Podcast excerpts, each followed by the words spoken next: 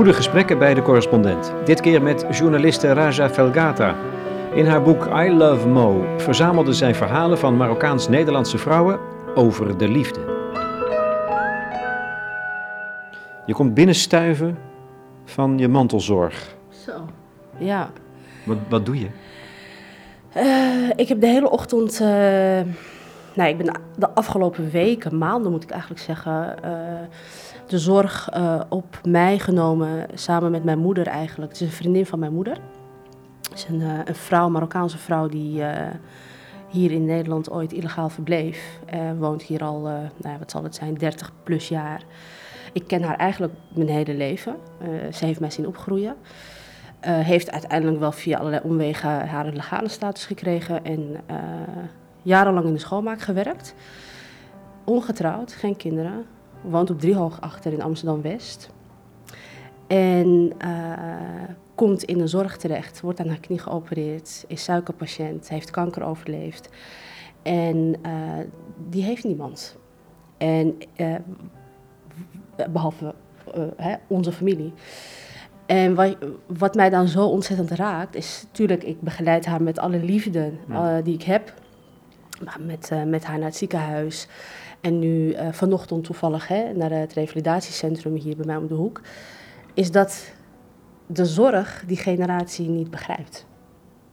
En dat is heel pijnlijk om te zien. Want ik heb nu de afgelopen weken gesprekken gevoerd met artsen, verpleegkundigen, et cetera.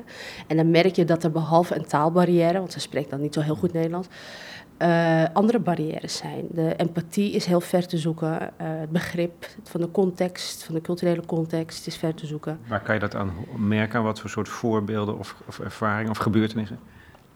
Het zijn opmerkingen, het zijn uh, koude aannames, um, vooroordelende um, interpretaties. Het, je ziet het van dichtbij en je hoort heel vaak hoor je dan dat soort verhalen, maar als je er eenmaal in zit.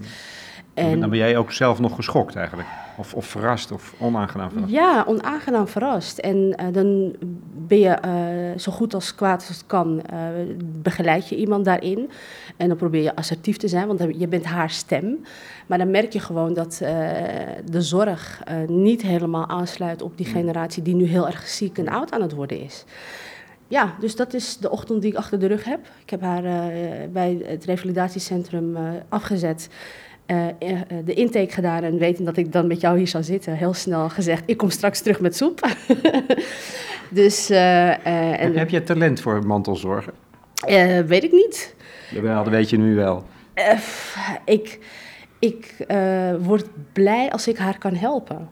En als iemand letterlijk niemand heeft, ik bedoel, ze is 60 plus, geen kinderen, geen familie, iedereen is in Marokko, letterlijk alleen ja, dan, daar denk je niet over na om iemand dan te helpen. En uh, uh, ja, dus ik, of ik talent heb. Ik, ik heb talent om iemand te helpen die, waar ik van hou.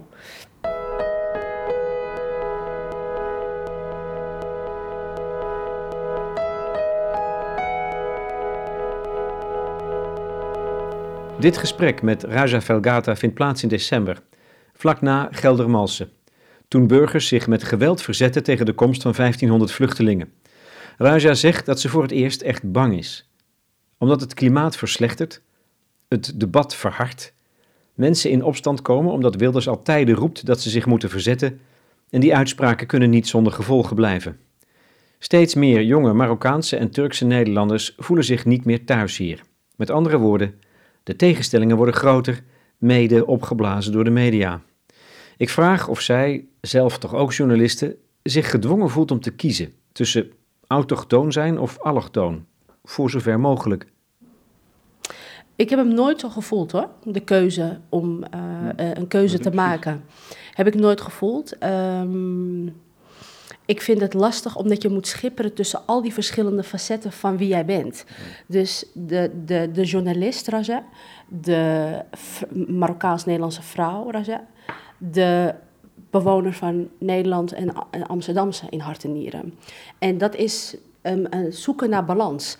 Ja, natuurlijk raakt het mij als er dingen worden beschreven die mijn gemeenschap, hè, waar ik vandaan kom, de Marokkaanse gemeenschap, dat raakt mij. Maar tegelijkertijd probeer ik daar altijd, dat is een soort automatisme. Uh, dat is soms niet eens heel bewust hoor. Uh, dat ik daar dus met afstand naar kijk van hoe, hoe kan ik als maker de, uh, op mijn manier zeg maar antwoord geven op al die vragen die mij maatschappelijk en persoonlijk bezighouden. Ischa Meijer heeft ooit gezegd, journalistiek is geen beroep, hè? het is een levenswijze. Dus het is, je, ik, ik kan niet schakelen, het is inherent aan wie ik ben. En uh, dus uh, soms voert de emotie de boventoon. En dan denk ik, uh, kan ik hier rondlopen en dan echt geraakt zijn door, door dingen die gebeuren op echt zielsniveau. En dan tegelijkertijd gaat meteen de motor branden van goh, hoe en wat en waar en kan ik de verbindingen leggen. Dus ja. ja, Maar dat gaat over begrijpen. Meer en meer begrijpen. Of, of, of, of verschuift dan je, je taak als journalist. Begrijpen, maar het zit hem ook in de uitvoering hè, van hoe, hoe kan ik een bijdrage leveren aan, aan een mooiere samenleving. Ik ben namelijk wel gewoon een optimist in hart en nieren. En uh, ik zeg niet dat ik een roze bril op heb, maar ik kijk altijd naar een, een, een halfvolle glas, zeg maar. En uh, dat is hoe wij opgevoed zijn. Dat is hoe wij in het leven staan, van huis uit hebben meegekregen. Geen slachtofferschap. Uh, werken en uh, nog een keer werken en studeren. En, weet je, dus, dus, en dat, ik ben niet de enige. Hè. Er is een hele generatie die zo opgevoed is. Ja. En, um, ja, die komt eraan nu, volgens mij. Die komt eraan, die zijn er al. dus die, die mentaliteit van hè, het, het, het iets willen bereiken en iets willen doen en het positief staan in, in de samenleving, dat is echt wel wie ik ben. Dus ik, eh, ik heb me nooit laten leiden door angsten om, om vanuit een slachtofferschap of vanuit boosheid dingen te bekijken. Maar dan moet je dus nu aan, in die zin aan de bak dat je dat moet zien te behouden. Terwijl je bang aan het worden bent. Precies, en dat is dus eigenlijk een, een, een contradictie qua gevoel omdat ik me daardoor nooit heb laten leiden, maar ik voel, ik voel het nu wel heel erg dichtbij komen.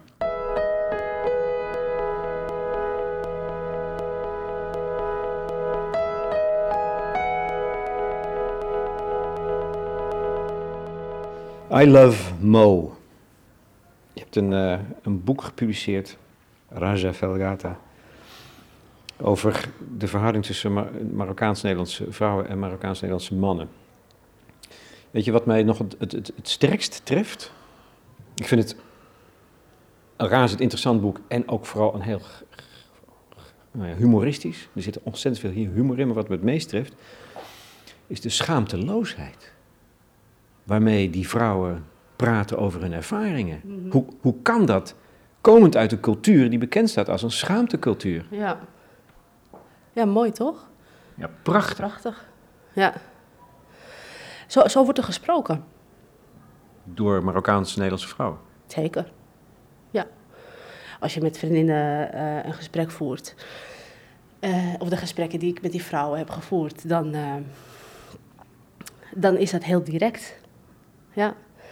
Kijk, natuurlijk is mijn schrijfstijl dat ook een beetje. Ja. Ik wilde het expres toch wel op die manier opschrijven. Ik dacht, ja, als je, als je het doet, dan doe je het onomwonden en uh, gewoon zoals het is. Beestje bij de naam noemen. Ja. Um, ik, ik, ik, ik, vind dat, ik vind dat, zeg maar, dat harde en dat ruwe, dat, daar zit schoonheid in. En uh, je, je kunt heel erg je best doen om dat te verbloemen, want dan ben je het nette meisje. Um, maar ik dacht alleen maar, waarom? Natuurlijk uh, is het voor heel veel mensen misschien een shock. Uh, want het is wel heel erg uh, hè, soms duidelijk. het is direct. maar dat is de liefde. Ja. En de zoektocht daarna is ook heel direct. En dat gaat gepaard met pijn. En dat gaat gepaard met een lach en een traan. En er zit humor in de pijn.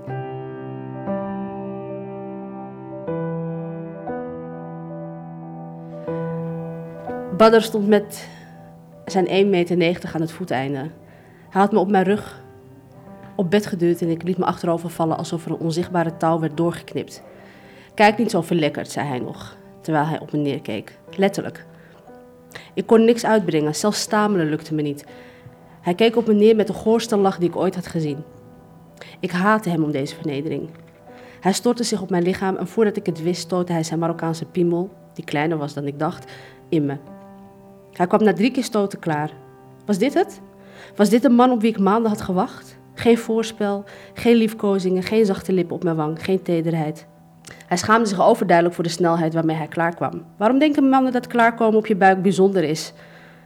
Wat moest ik nu met zijn troep op mijn onderbuik?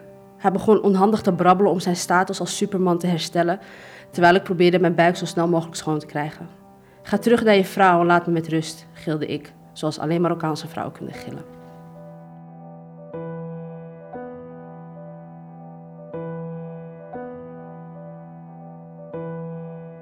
Die zoektocht hè, naar de ideale man, want dat is de cultuur waar wij, Marokkaans-Nederlanders, vandaan komen, is een cultuur waarin vanaf heel vroeg al wordt uh, aangemoedigd om de perfecte partner zo snel mogelijk te vinden. Er zijn andere verwachtingen voor vrouwen en andere verwachtingen bij mannen. En daar word je mee opgevoed en dat is hoe jij uh, als volwassene de wereld ingaat.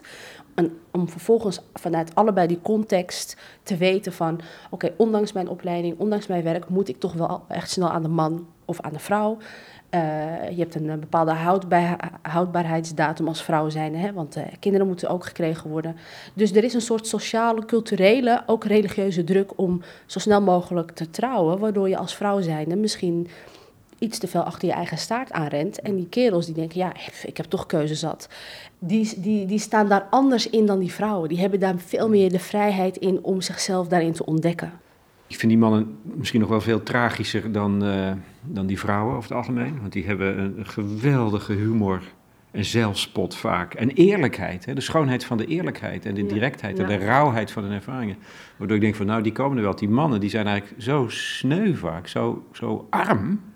Ik wilde ook niet een, een, een, een, boek schrijven waarin die Marokkaanse man weer werd neergezet als. Dat is, niet, is niet gelukt. Het is niet gelukt. uh, tegelijkertijd vind ik het ook wel noodzakelijk om die spiegel voor, voor ze te houden.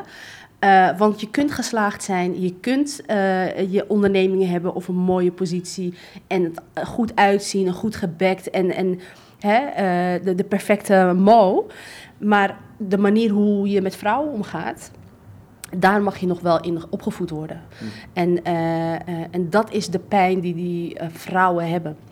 Dus eigenlijk is het, afgezien van de botsing tussen de mannen en vrouwen, waar je het over hebt, of die, die strijd, is het ook heel erg het conflict tussen ideaal en werkelijkheid, denk ik, wat hier uitgevochten wordt. Ja, ja en meestal, je merkt het ook, hè, de, de, er zijn de scheidingscijfers tussen de tussen Marokkaanse Nederlanders is best groot. Ja. Uh, nog, groter dan bij uh, andere Nederlanders?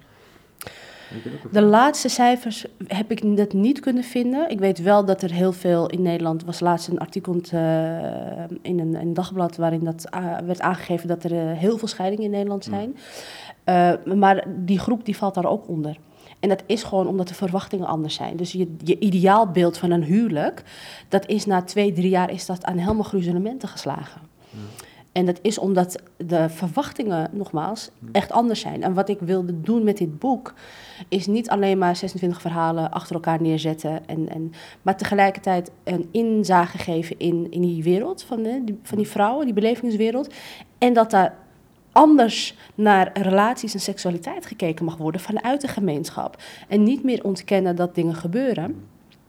Uh, maar je kinderen op een andere manier opvoeden, waardoor die andere generaties die eraan komen, misschien op een andere manier zeg maar, uh, in een relatie gaan zitten. Of met seksualiteit omgaan. Ja, het heeft nog één generatie nodig, denk je Ik denk twee.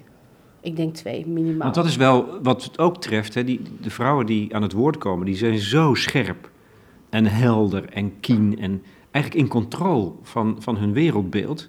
Dat dan toch nog, hè, als het gaat om de man, ja dat ze dan iedere keer met hun kop tegen de, tegen de muur knallen. maar dat is de liefde. Dat is de, dat die maakt blind, ja. Dat is dus, die vrouwen... Nee, maar het is het ideaalbeeld, het, is, het, is, het is een ideologie. Het is de ideaal, het ideaalbeeld, het is de ideologie. Uh, en het is... Um, ja, en inderdaad, ondanks de, de, de kennis die je hebt, de scherpte die je hebt, hè, die, het opleidingsniveau. Zo wereldwijs. En, en, en op dat moment, dat soort keuzes maken, uh, tegen beter weten in. Hopende dat je hè, dan misschien wel hè, die ene tegenkomt die. Dus ehm, nee, ik vind het hele moedige vrouwen. Ehm, ik uh, hou van de Marokkaanse man. Ik uh, heb er helemaal niks tegen. Maar ik vind wel dat ze daarin nog, nog, nog een slag ja. te slaan. Grappig, hè? Vol, volgens mij is het een e emancipatiestrijd die in Nederland een aantal decennia geleden door Nederlandse vrouwen ook gevoerd is. Volgens mij doe je nu eigenlijk in, feite precies hetzelfde. Ik vraag me af of je daarvan bewust bent en of je hè, als het ware hulp kunt vinden in de strijd die toen gevoerd is. Door de boeken die toen geschreven zijn. Die vrouwen die nu nog, die nu nog in veel gevallen leven natuurlijk. Ja, ja. zeker. Alleen die strijd is um, contextueus anders, zeg maar. Uh, puur omdat het sociaal-religieus zeg maar, uh, een, andere, een andere context heeft. En uh, de basis is je vrouw zijn en de basis is je ontwikkeling en die onafhankelijkheid daarin. Alleen in een Marokkaans-islamitische cultuur is dat, zijn er andere lagen zitten daarin. En dat kan misschien wat langer duren. Ja, je, je denkt dat de weerstand groter is. Ja, ik bedoel, uh, als je het hebt over uh, uh, seksualiteit en de verhouding tussen man en vrouw, er zit altijd een moeilijkheidsgraad in. Er is altijd een, een, een, een ongemakkelijkheid die heel groot is. En, en zo'n taboe, terwijl iedereen weet dat die dingen gebeuren en iedereen weet dat het daar is. Alleen je moet het er niet over hebben. Terwijl ik denk, op het moment dat je dat dus niet doet, dan maak je het, het probleem alleen maar groter. Waardoor je kinderen nooit die barrières zullen doorbreken. Je kunt namelijk, als jij de, de religieuze context wil behouden, dan kan dat. Ik haal heel veel kracht uit boeken zoals Amina Wadoud, die uh, is een Canadese uh, dame die uh, bekeerd een paar jaar geleden. Die heeft als een van de eerste vrouwen het gebed voorgeleid. Zij heeft toen allerlei, allerlei fatwa's uit Saudi-Arabië gekregen, maar die heeft de Koran op een vrouwelijke manier geïnterpreteerd. Gewoon theologisch wetenschappelijk onderbouwd.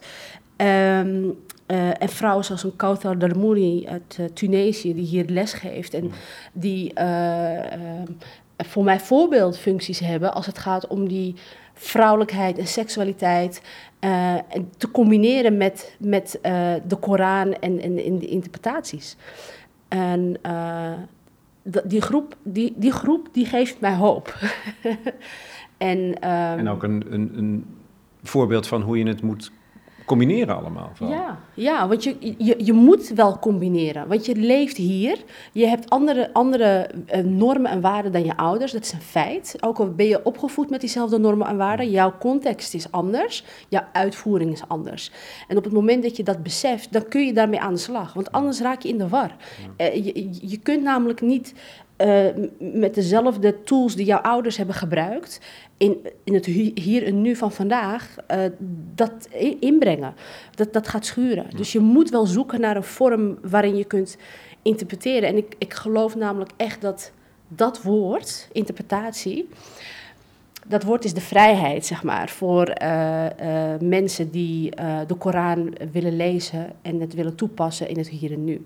En dat is waar ik inspiratie uit haal. Want ik geloof dat dat is de kern. Um, er is ook een woord, uh, istihad, dat is een, een woord waar uh, uh, journalisten ook uit Canada, Irzad Manji bijvoorbeeld, dat woord istihad betekent letterlijk interpretatie. Dat is in, in, in die periode dat de Koran werd opgeschreven eruit gehaald. Basically is dat dus mogelijk is die het op het moment dat jij kunt interpreteren. Je, tuurlijk kun je de Koran van toen niet in het hier en nu plaatsen en denken, nou dat volg ik maar gewoon op de letter. uh, terwijl uh, er andere mogelijkheden zijn. En, en, toen werd die mogelijkheid al geboden door dat begrip interpretatie? werd die mogelijkheid al geboden, alleen het woord is er door geleerden uitgehaald omdat die levensgevaarlijk was.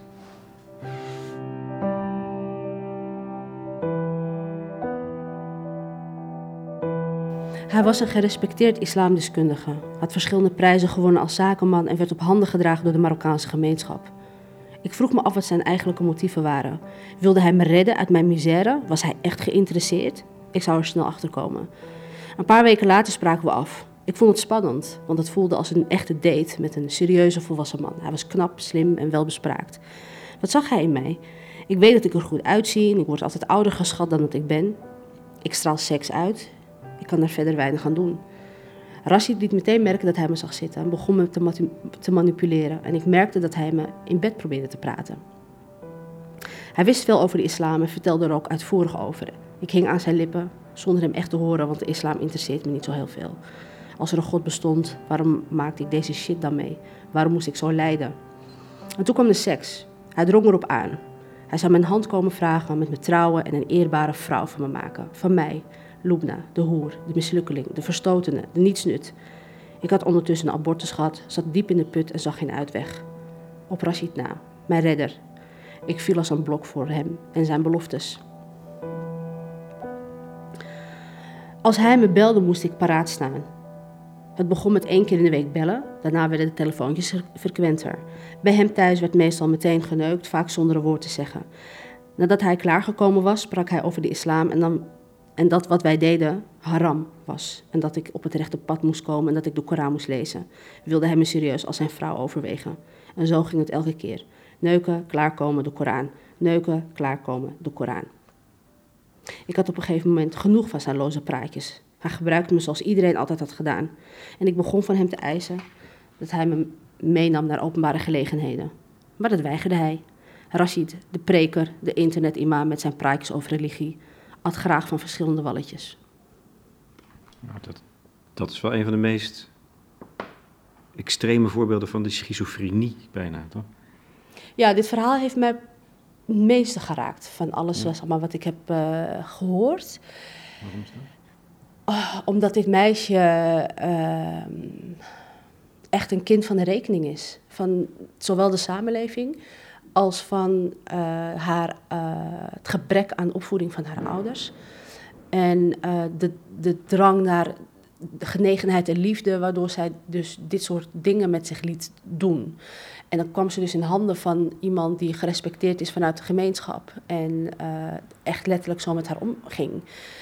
En nou, dat, dat vond ik zo heftig. Dat vond ik echt heel heftig. En ze was jong, ze is jong. En uh, briljant. Alleen dingen die zij heeft meegemaakt, nou ja, dat is, uh, ik dacht, ja, ik wil haar ervaring delen, omdat dit uh, niet op zichzelf staand iets is. Dat gebeurt bij heel veel meiden. Die als je ze van buiten ziet, heel mooi en sprankelend, en, maar het, het, het, het, het verrotte levens hebben. En dan komt er iemand die in plaats van dat hij denkt: Goh, ik kan dit meisje echt helpen. Namelijk aan een opleiding of aan werk of aan een echt begeleiding op, op psychisch niveau of wat dan ook. Uh, misbruik maakt van haar. Sterker nog, haar ook nog eens een schuldgevoel probeert aan te praten. Omdat ze doen wat ze doen. dus um, ik, ik vind dat gevaarlijk.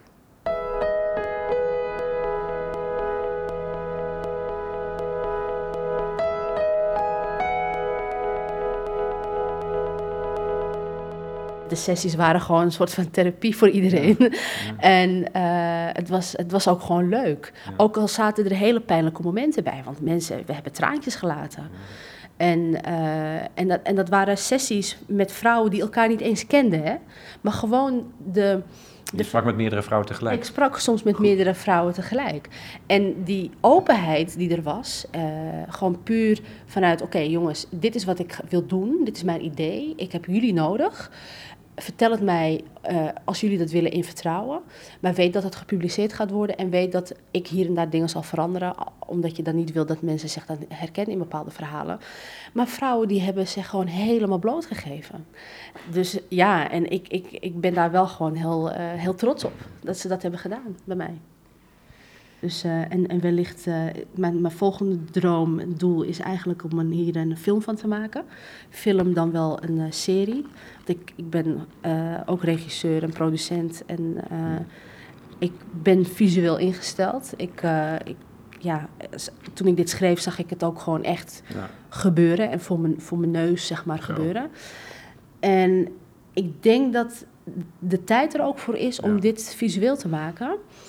Omdat ik vind dat Nederland achterloopt als het gaat om diversiteit in beeld brengen.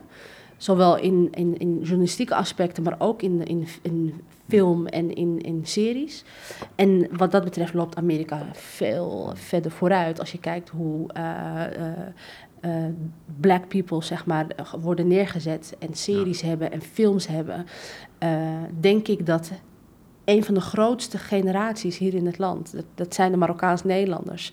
Naast de Turken en de Surinamers heb je de, die, hebben, die doen zoveel. Dat, die zijn, wij zijn een onderdeel van de samenleving. Wij, zijn het, wij behoren tot het fundament. Wij zijn gewoon Nederlanders met een andere achtergrond. Maar wij zijn wel een van de grootste groepen die hier wonen, werken, studeren.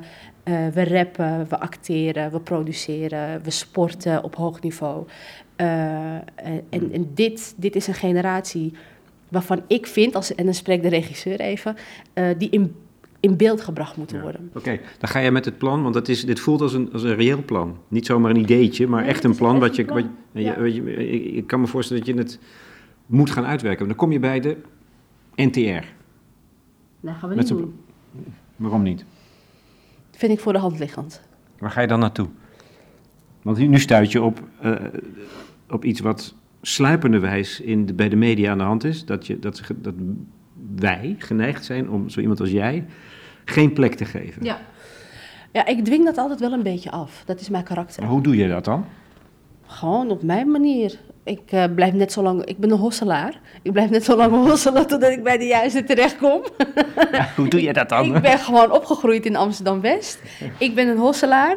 en uh, ik, hou van, uh, ik hou echt van uitdagingen. In die zin dat ik, ik zie bijna nooit beren op de weg. Ik, ik, ik kan erkennen dat er problemen zijn en dat Nederland diverser moet in allerlei lagen. Hè. Ik bedoel, die discussie over diversiteit in de media, die, die zijn wij vanuit de kleurrijke top 100 begonnen. Ik bedoel, Diana Matroos, onze nummer 1, die heeft toch wel echt de afgelopen maanden een tour gemaakt. Juist om dat thema diversiteit in de media aan te kaarten. Dat is iets wat wij al jaren doen. Al vijf jaar bij die kleurrijke top 100 als grappig alternatief voor de quote. Vijf, 500 met uh, allemaal goede mensen uit met andere achtergrond. Ja. Dat doen we al vijf jaar en daar hebben we echt impact mee. En uh, als je mij vraagt hoe we dat hebben gedaan, nou ja, gewoon uh, op mijn manier gewoon doen. En daar soms niet eens over nadenken, strategisch gezien, maar we zien het wel zolang we maar het gewoon doen en dan komt het vanzelf wel goed die naïviteit tussen haakjes, die, die heb ik altijd. Omdat ik me nooit wil laten belemmeren door iets van... oh, uh, misschien uh, heb ik dan geen geld of uh, misschien lukt het dan niet. Ja. Ik ben altijd wel iemand die gewoon gaat en... Um, maar oké, okay, ja. waarom ga je dan niet naar de NTR? Terwijl die publieke omroep zit te snakken om mensen zoals jij en... Um, series zoals je nu in je hoofd Tuurlijk, ongetwijfeld. En dat moeten ze vooral blijven doen. Alleen ik denk dat als je echt impact wilt hebben, dan moet je op een ander niveau gaan zitten. En wat, wat ga jij dan doen? Ja, ik wil het gewoon, uh, uh, als het een, een film wordt uh, in de Nederlandse, dat het in de Nederlandse bioscopen draait, of als het een serie wordt, dat het bij een commerciële zender terechtkomt. En dat je dus echt een massapubliek bereikt. En niet alleen het publiek wat al diversiteit heeft omarmd. Mm. Nee, ik wil het naar het niveau tillen, zeg maar, op zijn drie FM's, dat je ja. mainstream, zeg maar, Syrische vluchtelingen, zeg maar, bij mensen thuis brengt. En uh, die uitdaging, daar hou ik dus van. En ik bagatelliseer NTR niet, want ik heb daar gewerkt. Ik vind het prima omroep. Alleen, ik vind wat ik doe uh, iets omvattender, zeg maar, dan alleen een NTR. Want dan beperk ik, de, denk ik, het thema en, en mijn boodschap. Ja. Uh, je weet nooit wat er gebeuren kan in de toekomst. En dat je ja. die, die uh, uh, hoe zeg je dat, die combinaties gaat hebben, die samenwerking gaat hebben. Uitwisselingen tussen platforms. Dat, is heel, dat vind ik altijd heel erg sterk. Alleen, ik vind het lastig om af te wachten totdat men beseft van, goh, hier moeten wij iets mee. Want dat besef van, hier moeten wij iets mee tot uitvoering, ik denk dat dat nog een paar jaar nodig heeft. Terwijl op het moment dat ik samen met mijn team en een nieuwe generatie van, van nieuwe Nederlanders opstaat die maatschappelijk kritisch is, uh, voor verandering staan, uh, iets te zeggen hebben, zichtbaar zijn. Um, wij gaan in het nieuwe jaar een platform creëren, gericht echt op video, waarin nieuwe talenten, die allemaal bij ons komen aankloppen, omdat ze het gevoel hebben dat ze bij ons terecht kunnen, een platform gaan krijgen. Wij is dan de kleurrijke, de kleurrijke top 100. ja. Ja. Eh, dus we gaan, we gaan gewoon naar, eh, naar video. En, eh, en, en daarin weet ik gewoon dat, eh, dat het een pool gaat worden van talenten. waaruit omroepen misschien wel gaan vissen. En dan komt het wel goed met die diversiteit. Alleen, ik wil eh, Nou ja. niet afwachten. Eh, En, en vooral ook de regie in eigen hand houden, heb ik het idee. Ja, omdat ik geloof dat. Waarom niet? Weet je, ik bedoel, we hebben een mooi netwerk. We, we hebben de connectie met die nieuwe generatie Nederlanders. Ehm, we hebben de, de, de, eh, eh, ja, de tools vanuit de kleurrijke top 100 om een, een, een- platform op te zetten waarin we dat gewoon eh, gaan doen. En hoe zich dat gaat ontvouwen, ja, ik, ik blijf daarin gewoon nieuwsgierig en denk van, misschien zit daar wel een samenwerking in met een, een omroep van, hè? Maar zelf doen. Ja, we zijn creatievelingen, we zijn makers, waarom niet? Ik ben geen afwachtend eh, type.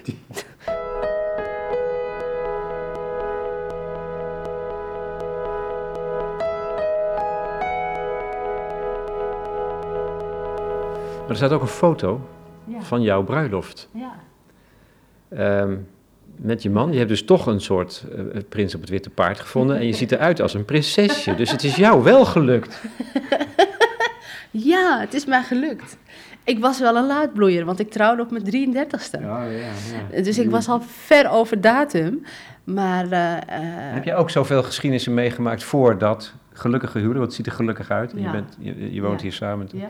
Heb je ook veel dingen meegemaakt, zoals in je boek I Love Mo? Ja. Je, hebt- je hebt ze zelf ook allemaal meegemaakt. ja, dus een hoofdstuk eh, gaat over mij in het boek. Twee hoofdstukken, denk ik. Twee, ja, precies. twee. Dus Ehm, één, één, één geslaagde missie en één, Ja. en één mislukte. Ja, ja. Eh, dus ik dacht, ja, als het... Ik wil... Welk, welk, welk verhaal is dan dat jou wat niet goed gaat? Wat is dan het, het, het andere Eh, verhaal? Het andere verhaal, want het laatste verhaal in het boek is eh, Ja. van mij. Ja, en, dat is ook het gelukkigste eigenlijk. Hè? Dat is ja, de ik- idylle bijna. ik, ik wilde gewoon positief eindigen. En eh, de- het andere verhaal was eh de jonge man die aan de drugs eh, kwam. En eh, dat was eh, een eh, grote liefde voor mij. Toen dacht ik, ja, als ik een boek schrijf over zo'n kwetsbaar thema, dan moet ik mezelf ook kwetsbaar opstellen. En als mensen me daarover gaan vragen, ga ik daar ook niet krampachtig over doen. Want ik wil ook het stukje van mezelf eh, meegeven daarin. Drugs is iets wat dan in die relatie, in zo'n, in zo'n liefdesrelatie, infiltreert en Ja. kapot maakt. Ja, ja. Wat gebeurde er? Ja, jeetje. hij was wel mijn, mijn grote liefde. Ik was echt gewoon eh, voor het eerst echt heftig verliefd. En eh dat was zo'n immense relatie, zeg maar, qua gevoel. Dus eh, als, je- als het je eerste liefde is, zeg maar, dan is alles heel heftig. Dat was het ook bij hem. En dat was gewoon heel snel gegaan. En, en het was gewoon eh patsboom in, in je systeem, in je leven en in je DNA. Hoe, hoe oud was je? Zal het zijn? 4, 25? Ja. Ook laat, laat bloeien. Want daarvoor was ik eigenlijk alleen maar bezig met studie en heel hard werken. En eh, drie baantjes tegelijkertijd naast mijn studie hebben. Ik was echt een, een werkpaard en dat van huis uit meegekregen. Dus ik was eigenlijk helemaal niet zo bezig met... Ik kreeg wel altijd heel veel chance en aandacht. En, eh, hè, want een mooie meid en eh, niet op de mondje gevallen, et cetera. Maar het was voor mij geen prioriteit. Mijn prioriteit was gewoon slagen. Ik wilde journalist worden. Ik was gewoon bezig met mezelf ontwikkelen en ontplooien. Wel wat dates gehad, maar niet relevant. Totdat hij dus kwam. En eh, de eerste anderhalf jaar waren fantastisch leuk en geweldig roze wolk. En ja, en van dichtbij wel meegemaakt dat, dat drugs gewoon als sluipmoordenaar eh, alles kapot kan maken. Die kwamen er pas in later bij. Ja. ja, en je hebt het ook helemaal niet door, want de eh, schizofrenie die daarbij gepaard gaat, dat, dat, dat sluipt er ook in. Eh. hoe ziet dat eruit? Ja, hoe ziet dat eruit? Eh, heel lelijk. Heel, ja, gewoon doods. Het was ook niet meer de persoon waar ik verliefd op was geworden. Het was een totaal andere persoonlijkheid. En ehm, nou ja, dus daar heb ik afscheid van moeten nemen. Ik heb echt moeten kiezen voor hem of voor eh, mijn carrière. Want ik, in die periode ging ik eh, eh, net het nieuws presenteren bij AT5 als eerste Marokkaanse nieuwslezeres. Dus het was een hele belangrijk momentum, zeg maar, in mijn leven. En hij was heel zwaar. En dat zware, dat, dat, dat, dat trok ik niet Hij meer. ging de vernieling in. Ja, ja. Want wat gebruikte hij dan? Ja, hij rookte eh, jointjes, eh, wiet, van alles. Nou ja, ik ben geen expert, maar ik, ik, hij, hij, hij, het is wel, zoals je het dus beschrijft, is dat hij langzaam vervaagt bijna. Hij verdwijnt. hij verdween ook. Het was niet meer, zeg maar, de persoon die ik kende. En, eh, en dat was eh, heel moeilijk, want ik, iedereen verliet hem ook. Zijn familie verliet hem. Zijn vrienden gingen weg. En ik was de enige die nog achterbleef. Dus het, het, drukte ook heel erg op mijn schouders. Ja, en dat je ik was daar ook al mantelzorger, hè? Dus ik eigenlijk... was ook al mantelzorger op de een of andere manier, ja. En, en, en eh, die, die druk was eh, voelbaar. En eh, ik, ik vond het heel moeilijk om voor mezelf te kiezen. Want ik, ik pleegde daarmee gewoon hoogverraad. Want ik zou, hij zou dan echt helemaal alleen, alleen zijn. Hij was ook op een gegeven moment echt schizofreen. Hè? Dus die, dat was inherent aan zijn drugsgebruik trouwens. Heel veel Marokkaanse jongens die zitten namelijk in hetzelfde schuitje. Daar zijn ook weer rapporten over verschenen. Dat zijn allemaal dingen die ik later dan allemaal te lezen kwam. Toen dacht ik, ja, er is een hele grote groep Marokkaanse jongens die heel veel drugs gebruiken. En ook daar is de hulpverlening niet op voorbereid. Dus, eh, eh, en, en, en nou ja, goed, daar, daar zit ook weer eh, een hele context achter. Maar dat gebeurde dus bij hem. En nou, toen moest ik kiezen. En- En dat was wel heel pijnlijk hoor, want je, je, je moet afscheid nemen van iemand waar je nog van houdt, maar waar je niet meer bij kunt zijn. En je, je, je moet voor jezelf kiezen als je niet mee wil gaan en mee wil glijden, zeg maar, in, in de duisternis. En ja, we zijn nu ruim 15 jaar verder en eh, hij zit nog steeds in hetzelfde schuitje. Dus dat is hij, wel leeft, hij leeft nog wel. hij is, ja, hij leeft wel. En het is heel pijnlijk, maar het is een onderdeel van mijn verhaal. En Ja. ik heb het eh, opgeschreven met het idee, ja, dit is eh, wat ik heb meegemaakt. Ja. En nou hij. En nou hij, Nou Dimo.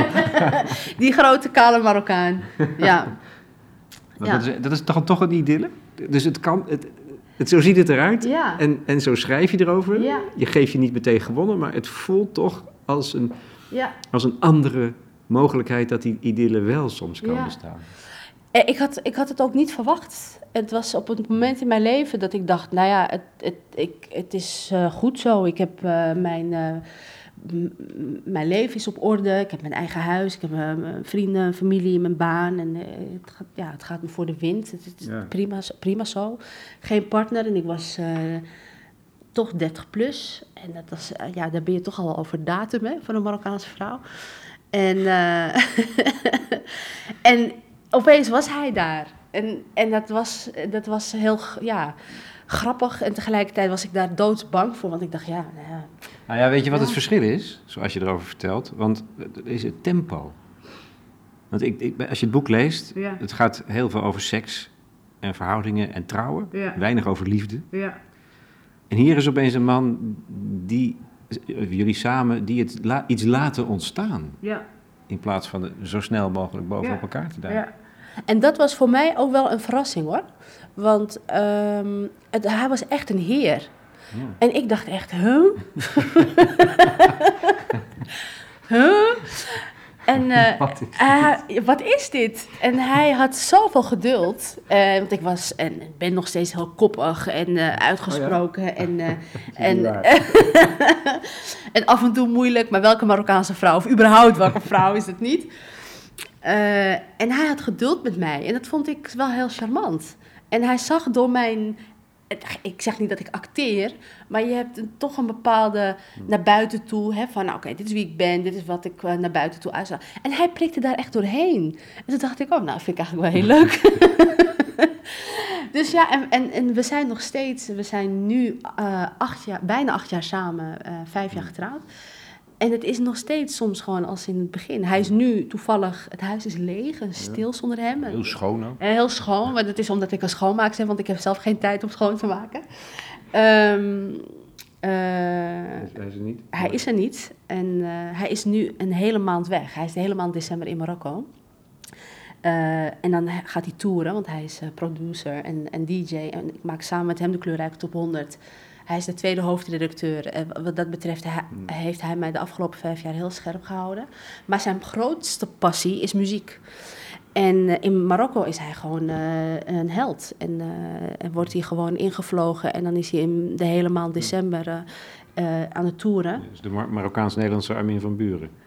Nou, weet ik niet, maar hij is misschien net zo goed of misschien zelfs beter. En ze zijn heel trots op hem daar. En eh, hij vindt het leuk om zeg maar, die liefde terug te geven. En daar komt hij helemaal... Tuurlijk, je mist elkaar. Maar we zijn allebei eh, gek genoeg en creatief genoeg om die ruimte... Dat is wat ons huwelijk staande houdt. Dat we gewoon heel een maand even alleen zijn. Tuurlijk mis je elkaar, en dan, maar na een maand is het prima. En is hij weer opgeladen. En dan heb ik hem weer voldoende gemist om er dan weer een half jaar tegenaan te gaan. Dat is echt gewoon het geheim van een huwelijk. Gewoon af en toe weg.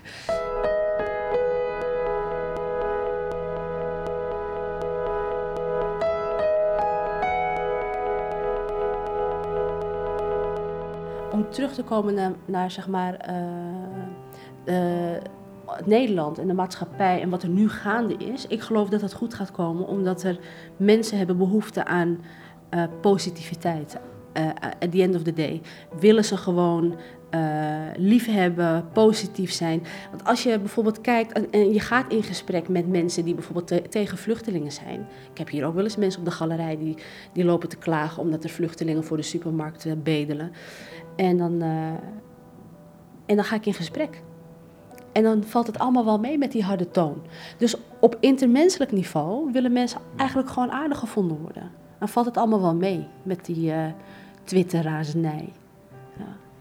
Hou vol. Dankjewel.